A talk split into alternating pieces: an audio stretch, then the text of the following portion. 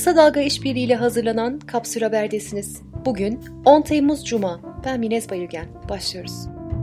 Muhalefetin itirazına, baro başkanları ve avukatların protestolarına yol açan çoklu bara düzenlemesinin ilk iki maddesi Meclis Genel Kurulu'nda kabul edildi. Teklifin birinci maddesi bazı şartların gerçekleşmesi halinde aynı ilde birden çok baro kurulabilmesine imkan tanıyor. Buna göre aynı ilde birden fazla baronun bulunması halinde herhangi bir baroya kaydolmak mümkün olacak. İkinci madde ise aynı ilde birden fazla baronun bulunması halinde avukatlık stajının ikinci 6 aylık kısmının staj yapılan baroya kayıtlı bir avukatın yanında yapılmasını öngörüyor. Türkiye Barolar Birliği Başkanı Metin Feyzioğlu, barolara yönelik kanun teklifi üzerinde görüşmeyi reddetmenin sürecin dışında kalmak olduğunu ifade ederek, bizim yöntemimiz her zaman için meclisimizle milli iradenin tecelli ettiği yerle yakın noktada olmadadır. Adalet Bakanlığı ile Cumhurbaşkanlığı ile diyalog içinde olmaktır dedi. Dün İstanbul'dan saat 14'te yola çıkan baro temsilcileri ve avukatların da Ankara'daki Kuğulu Park'taki nöbeti sürdüren baro başkanlarına katılması bekleniyor.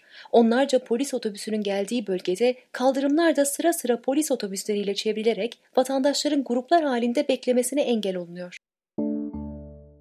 Danıştay'ın Ayasofya'nın ibadete açılmasıyla ilgili kararını bugün vermesi bekleniyor. İdari yargılama usulü kanununa göre Danıştay'ın verdiği kararın 30 gün içerisinde yerine getirilmesi gerekiyor. Danıştay'ın kararı sonrasında Ayasofya 86 yıl sonra yeniden cami olabilir. Hürriyet yazarı Abdülkadir Selvi, Danıştay'ın Ayasofya'nın ibadete açılması yönünde karar verdiğini yazdı. Danıştay 10. Dairenin Ayasofya'nın cami olarak açılması kararını oy birliğiyle aldığı ve kararın 10 Temmuz Cuma günü açıklanacağı söyleniyor. Ayasofya mücadelesinde bugün tarihi bir gün dedi. Reuters haber ajansına konuşan AKP'li yetkililerin de Ayasofya'nın ibadete açılacağını söylediği iddia edildi. Sakarya'nın Taşkısığı köyünde havai fişek fabrikasının malzemelerini taşıyan kamyonda patlama meydana geldi. İçişleri Bakanı Süleyman Soylu 3 jandarmanın hayatını kaybettiğini, 11 jandarma ile kamyon şoförünün yaralandığını açıkladı. Kimya Mühendisleri Odası Başkanı Ali Uğurlu malzemelerin taşınmaması gerektiğini söyledi. Biz bu tehlikeli maddelerin, kimyasalların, patlamamış havai fişeklerin taşınmasından yana değiliz. Doğrusu bunların yerinde küçük parçalar halinde imhasıdır dedi. İşçi Sağlığı ve İş Güvenliği Meclisi'nin raporuna göre Haziran ayında en az 188 iş cinayeti yaşandı.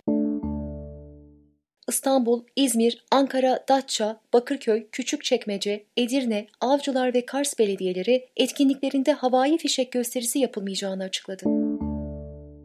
Merkez Av Komisyonu, nesli dünya ölçeğinde tehlike altında olan üveyik ve elmabaş patka kuş türlerinin avlanmasına izin verdi.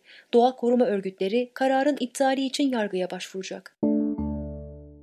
Tarım ve Orman Bakanlığı, Tunceli'de kutsiyet atfedilen ve Hızır'ın davarı olarak kabul edilen dağ keçilerini avlatmak için ihale açtı.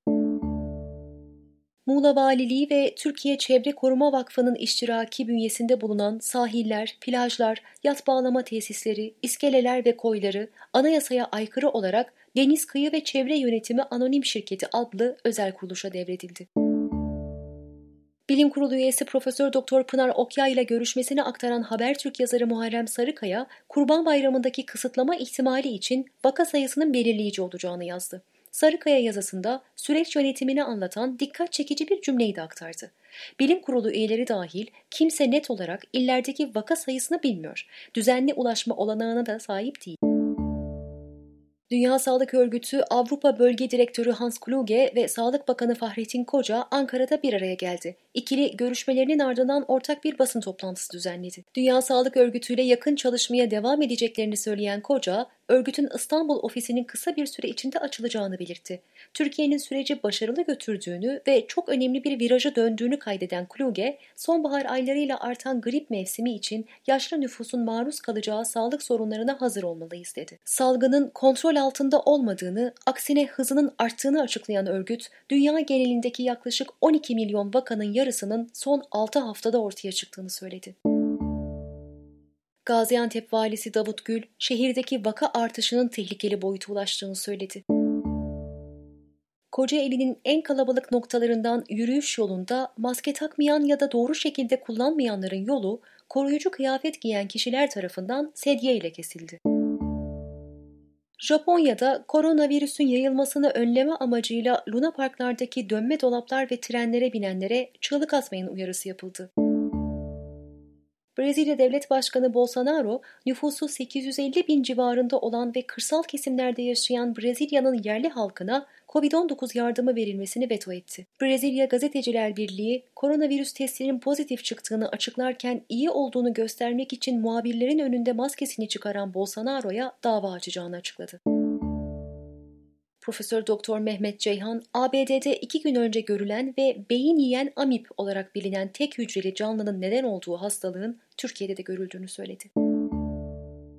Avrupa Parlamentosu'nda düzenlenen Akdeniz'de istikrar, güvenlik ve Türkiye'nin negatif rolü başlıklı oturumda konuşan AB Dış İlişkiler Yüksek Temsilcisi Joseph Borrell, 2007 yılından bu yana Türkiye'ye aktarılması planlanan fonlarda 1 milyar 300 milyon euroluk kesinti yapıldığını söyledi. Türkiye'ye geçtiğimiz günlerde yaptığı ziyaretle ilgili konuşan Borrell sert eleştirilere maruz kaldı. Birçok parlamenter Borrell'dan Türkiye ile ilişkileri ve para yardımlarını tamamen kesmesini istedi.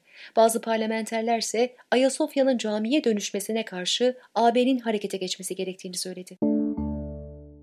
ABD'de polis şiddeti sonucu hayatını kaybeden George Floyd'un son anlarının görüldüğü videonun deşifresi yayınlandı. Videonun dökümünde Floyd'un 20 defadan fazla nefes alamıyorum dediği, o esnada dizini boynuna bastıran polis Derek Chauvin'in ise konuşabildiğine göre oksijen alabiliyorsun diye yanıt verdiği duyuluyor. Güney Kore başkenti Seul'un belediye başkanı Park Won-soon ölü bulundu. Kaybolmasından kısa bir süre önce belediyenin kadın bir çalışanı tarafından hakkında cinsel taciz suçlaması yapılan Park Won-soon'un intihar ettiği düşünülüyor. ABD Başkanı Donald Trump'ın eşi Melania Trump'ın doğduğu Slovenya'daki ahşaptan heykeli ABD'nin bağımsızlık günü 4 Temmuz'da yakıldı.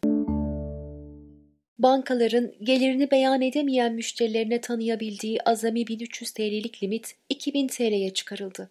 Asgari ödeme tutarı bir yıl içinde 3 kez ödenmeyen kredi kartlarının kullanıma kapatılması 2020 yıl sonuna kadar uygulanmayabilecek. Günün sözüyle kapatıyoruz. Polonya'da bir tren istasyonunda şişe içinde bulunan mektuptan bu kağıt parçasını kim bulursa Hitler'in insanlığa karşı savaşını hatırlayacak. Tıpkı Cermenlerin insanları kovduğu zamanki gibi. Bizi Kısa Dalga ve podcast platformlarından dinleyebilirsiniz.